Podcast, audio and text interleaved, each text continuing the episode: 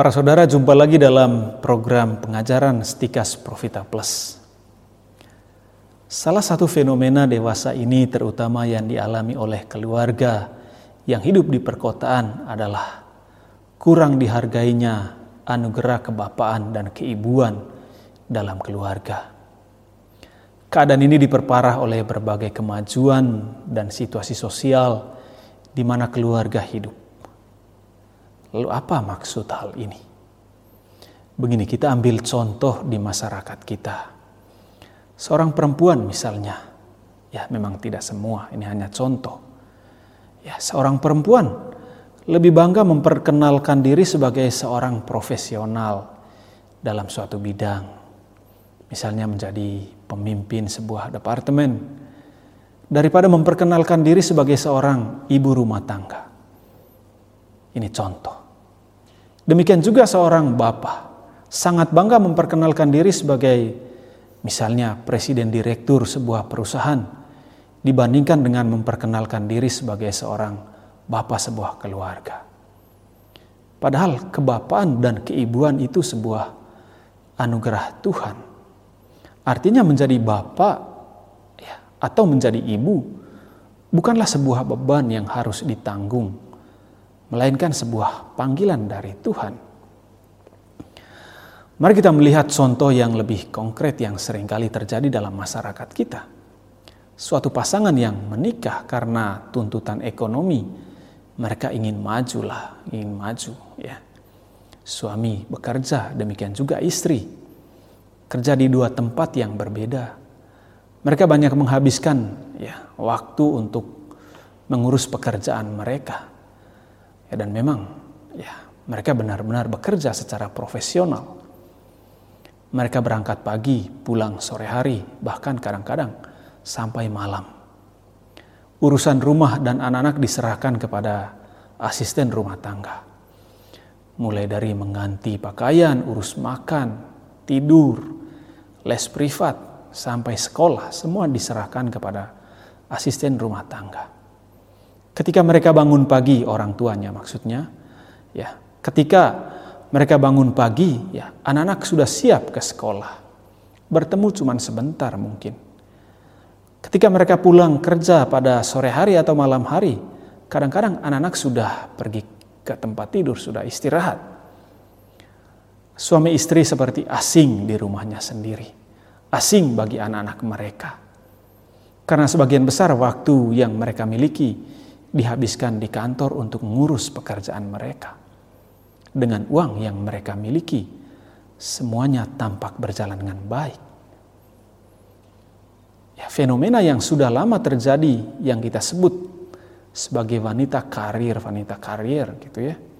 Tampak jauh lebih membanggakan daripada sekedar menjadi seorang ibu rumah tangga misalnya. Menjadi petinggi atau menjadi bos di sebuah perusahaan untuk seorang laki-laki tampaknya lah jauh lebih prestis dibandingkan menjadi seorang ayah bagi anak-anak. Apa yang diyakini adalah sejauh memiliki uang, ya semua dapat berjalan, termasuk mengendalikan sebuah keluarga. Tetapi apakah itu berarti menjadi seorang ibu atau menjadi seorang ayah tidak boleh maju dalam karirnya? Tentu saja tidak. Orang harus maju juga dalam usaha, karir dan pekerjaannya, baik laki-laki maupun perempuan. Tetapi persoalannya adalah seorang perempuan, seorang istri, sering kali lebih mengejar menjadi seorang wanita karir, lalu melalaikan tugas sebagai seorang ibu, dan juga seorang laki-laki, seorang ya pasangan, seorang laki-laki sering kali lebih mengejar sebuah prestasi, menjadi pemimpin perusahaan dibandingkan menjadi kepala keluarga untuk rumah tangganya. Dengan kata lain, seorang perempuan jauh lebih berbangga menjadi wanita karir dalam kesuksesannya dengan kesuksesannya yang hebat yang ya kesuksesan yang menumpuk dan seorang laki-laki menjadi seorang kepala sebuah perusahaan. Lalu menjadi bapak dan ibu bagaimana? Ya tampaknya tidak ada yang perlu dibanggakan. Minimal bagi orang tertentu. Banyak orang yang belum menikah atau sudah menikah berpikir demikian. Tetapi mari kita lihat apa yang dikatakan oleh Santo Yohanes Paulus II ketika berbicara tentang keluarga. Paulus melihat ada begitu banyak problem hidup berkeluarga dewasa ini. Ada yang terbelenggu oleh mentalitas konsumerisme. Satu-satunya yang dia anggap penting ialah terus-menerus mengusahakan pertambahan harta kekayaan material. Sehingga akhirnya orang sudah tidak memahami lagi, malahan menolak harta kekayaan rohani hidup manusia yang baru. Alasan terdalam bagi mentalitas-mentalitas ini ialah bahwa hati mereka sudah tidak meluangkan tempat bagi Allah. Padahal hanya cinta kasihnya lah, cinta kasih Tuhan maksudnya, yang lebih kuat dari segala ketakutan dunia dan yang mampu mengalahkannya. Apa yang menjadi yang dipersoalkan oleh Paus ini adalah muncul sebuah cara berpikir, sebuah mentalitas yang merasa dalam hidup ya dan pemikiran suami istri yaitu berusaha mencari dan mencari harta kekayaan, kehormatan melalui karir sampai melupakan peran mereka sebagai ayah dan ibu bagi keluarga atau bagi anak mereka. Mereka hanya memikirkan bagaimana hidup sukses secara ekonomi, ya, tetapi tidak berpikir bagaimana hidup sukses sebagai keluarga Katolik. Keinginan akan kesuksesan secara ekonomi di mana semua kebutuhan materi keluarga dipenuhi, menutup cinta kasih sebagai seorang bapak dan seorang ibu yang harus mereka salurkan kepada keluarga mereka terutama kepada anak-anak. Ini adalah cara berpikir materialistis, di mana orang hanya mengejar materi dan menutup pintu terhadap peran sebagai orang tua, sebagai bapak dan sebagai ibu. Ya, peran cinta kasih. Lalu pentingkah peran kebapaan dan keibuan dalam keluarga? Tentu sangat penting. Coba dengar saudara-saudari, yang sudah menikah dan sudah memiliki anak. Mulai dari ibu-ibu, ya, kaum hawa misalnya. Bukan karena saya seorang laki-laki, tetapi justru itu yang sering terjadi. Menjadi ibu adalah panggilan natural bagi seorang perempuan, bukan karena dia seorang Katolik.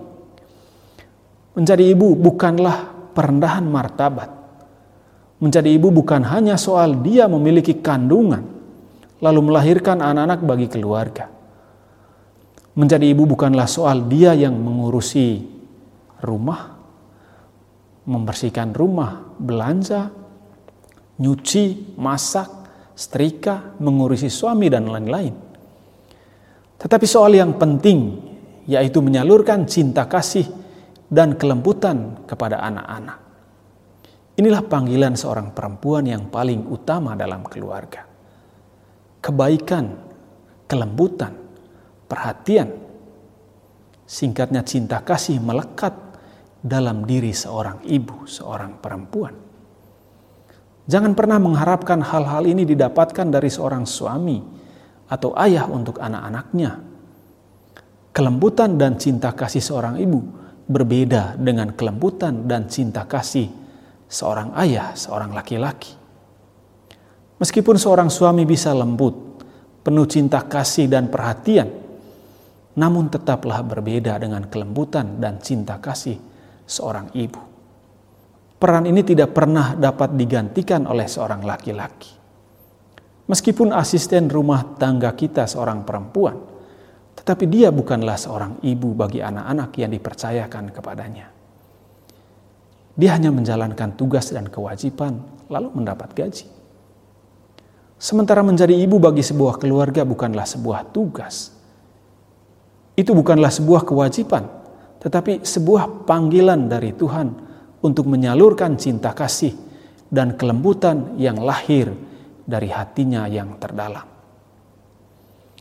Memang kadang-kadang perempuan terutama tertentu ya perempuan tertentu kurang dapat menjalankan hal ini karena dia biasa di luar. Dia merasa hatinya tidak lembut seperti perempuan lain. Sebab ya waktu kecil sudah terbiasa main dengan teman-teman cowoknya, main ya bukannya main masak-masakan tetapi manjat pohon katanya. Tetapi sudahlah, jangan mengada-ada, jangan membuat alasan yang masuk akal. Bagaimanapun seorang perempuan tetaplah seorang ibu, ya beda dengan laki-laki. Yohanes Paulus II mengatakan begini, di pihak lain, kemajuan sejati kaum wanita meminta agar supaya jelas-jelas diakui nilai nilai peranan mereka sebagai ibu dalam keluarga dibandingkan dengan semua peranan publik lainnya dan segala profesi lainnya. Selain itu, kata Yohanes Paulus II, peranan-peranan serta profesi-profesi itu harus dipadukan secara laras. Kalau memang diinginkan supaya masyarakat berkembang dan kebudayaan menjadi sungguh dan sepenuhnya manusiawi. Ingat hal ini, Santo Yohanes Paulus II yang mengatakannya. Dia meminta agar setiap perempuan mengakui peran sebagai ibu keluarga dibandingkan dengan peran publiknya dalam karirnya. Yohanes Paulus II tentu tidak melarang seorang perempuan maju dalam profesinya, dalam masyarakat, dalam pekerjaan. Sama sekali tidak. Dia hanya mengingatkan perempuan untuk mengakui panggilan dan perannya sebagai seorang ibu bagi anak-anak. Lalu kehadiran seorang bapak juga tentu sangat penting dalam keluarga. Seorang laki-laki menyalurkan kasih kebapaan, tanggung jawab dan ketegasan. Kasih kebapaan dengan kekasannya tidak dapat diberikan oleh seorang ibu. Apa yang menjadi fenomena orang tua tunggal? Entah itu hanya ada bapak saja atau ibu saja dalam hal ini, sangat kurang dari segi nilai yang disalurkan kepada anak-anak. Sangat menarik apa yang dikatakan oleh Yohanes Paulus II tentang panggilan menjadi seorang bapa. Cinta kasih terhadap istrinya sebagai ibu anak-anak mereka dan cinta kasih terhadap anak-anaknya itu sendiri bagi suami merupakan jalan yang biasa ya untuk memahami dan mengamalkan kebapaannya sendiri. Terutama bila kondisi-kondisi sosio budaya begitu mudah mendorong seseorang, ya, seorang ayah, untuk kurang mempedulikan keluarganya, atau setidak-tidaknya kurang melibatkan diri dalam pendidikan anak-anaknya, perlu diusahakan untuk secara umum memulihkan keyakinan bahwa tempat ya bahwa tempat serta tugas ayah dalam dan bagi keluarga sungguh penting sekali dan tak tergantikan. Menurut pengalaman, tidak hadirnya ayah mengakibatkan ketidakseimbangan psikologis dan moral, serta kesukaran-kesukaran cukup serius dalam hubungan-hubungan keluarga. Begitu pula dalam situasi sebaliknya, kehadiran ayah yang serba menindas, ya, keunggulan hak-hak khusus pria yang serba salah, karena merendahkan kaum wanita dan mengekang pengembangan hubungan-hubungan yang sehat dalam keluarga. Itu kalau seorang suami, seorang ayah yang sering kali ya, kasar, menindas. Dengan menampakkan dan menghayati di dunia kebapaan Allah sendiri, suami diharapkan menjamin pengembangan semua anggota keluarga secara harmonis dan terpadu. Ia akan menunaikan tugas itu dengan menjalankan setulus hati tanggung jawab atas kehidupan yang mulai tumbuh dari rahim ibu dengan komitmen lebih penuh terhadap pendidikan. Suatu tugas yang dijalankannya bersama istrinya dengan pekerjaan yang tidak pernah menimbulkan perpecahan dalam keluarga, melainkan menumbuhkan kesatuan dan keseimbangan, stabilitas, serta melalui kesaksiannya dalam hidup Kristen yang dewasa, yang secara efektif mengantar anak-anak memasuki pengalaman yang nyata akan Kristus serta gereja. Jadi saudara-saudara kehadiran seorang ayah untuk menjaga kestabilan keluarga dan juga untuk mengatasi kesukaran-kesukaran yang sering kali dihadapi. Seringkali fakta menunjukkan bahwa seorang ayah tidak dapat menjalankan perannya dengan baik bagi istri dan anak-anaknya. Masih banyak laki-laki yang tidak berlaku halus, sering kali tampil sebagai seorang otoriter yang membuat seisi rumah takut akan kehadirannya. Bahkan sering kali terjadi kekerasan atau KDRT di rumah. Dia sama sekali tidak menampilkan hati kebapaan yang mengayomi, yang merangkul, yang melindungi, yang menjaga dan memelihara keluarga. Absennya hal-hal ini membuat keluarga tidak harmonis. Anak-anak tidak memiliki teladan untuk dijadikan contoh. Apalagi antara suami istri sering kali berantem. Seorang bapak adalah seorang penjaga bagi keluarga, tetapi sekaligus menyalurkan kasih kebapaan Allah sendiri kepada keluarganya, kepada anak-anak, kepada istri. Dalam arti tertentu, kenyamanan sebuah keluarga ada di pundaknya dia tentu saja boleh maju dalam tugas tugasnya dalam pekerjaannya, tetapi dia adalah seorang bapa bagi anak-anak, seorang suami bagi istrinya. Jadi menjalankan panggilan kebapaan dan keibuan amatlah penting dalam keluarga. Kurangnya kehadiran salah satunya membuat keluarga tersebut kehilangan keseimbangan sebagai keluarga Katolik. Kebapaan dan keibuan bukan saja soal perpanjangan tangan Allah untuk suatu kehidupan karena kelahiran anak-anak, tetapi juga menuntut kehadiran setelahnya. Ya. Keluarga, bapak ibu memiliki panggilan menjadi rekan-rekan kerja Allah untuk menyalurkan kehidupan kepada manusia baru. Sangat indah kalimat ini. Jadi menjadi bapak, menjadi ibu, berarti menjadi rekan-rekan kerja Allah, teman-teman kerja Allah untuk menyalurkan kehidupan. Begitulah pasangan, ya, sementara saring menyerahkan diri, bukan hanya memberikan diri, melainkan juga kenyataan anak-anak yang merupakan cerminan hidup cinta kasih mereka.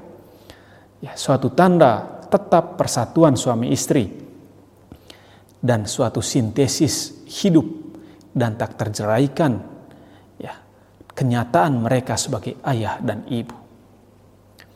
Memang kebapaan dan keibuan suami istri harus dimulai semenjak bayi dalam kandungan. Dan hal itu terus berlanjut dalam mendidik dan membesarkan anak. Menjadi bapak dan menjadi ibu adalah soal panggilan hati. Sangat menarik bahwa mereka adalah rekan atau teman kerja Allah dalam menyalurkan kehidupan. Ini bukan soal tujuan perkawinan untuk melahirkan anak, tetapi soal tugas mereka melindungi dan memelihara kehidupan, baik untuk mereka sendiri juga untuk anak-anak. Di pihak lain, ya, meskipun suami dan istri hadir di tengah-tengah keluarga, sering kali tidak mampu menjalankan panggilan kebapaan dan keibuan. Seperti contoh tadi, Akibatnya tentu saja bukan pada keutuhan keluarga tersebut, tetapi juga pada anak-anak yang lahir dari keluarga yang demikian. Seringkali orang tua yang sering cekcok, ya, sehingga anak-anak tidak betah di rumah, mencari hiburan sendiri, ya, dan tidak jarang terjerat dalam dunia kejahatan, dalam kekerasan, dalam narkoba, masuk kelompok geng, bahkan bisa bergabung dengan kelompok teroris. Pertengkaran dalam rumah tangga sering kali korbannya adalah istri dan anak-anak. Jika ini sering terjadi, pasangan menurut saya telah gagal menjalankan panggilan sebagai bapak dan sebagai ibu, sebagai rekan kerja Allah untuk menyalurkan kehidupan. Nah saudara, ya sebagai akhir dari hal ini, coba dengar apa yang dinasihatkan oleh Yohanes Paulus kedua berikut ini. Dia mengatakan begini, dalam persekutuan pernikahan dan keluarga.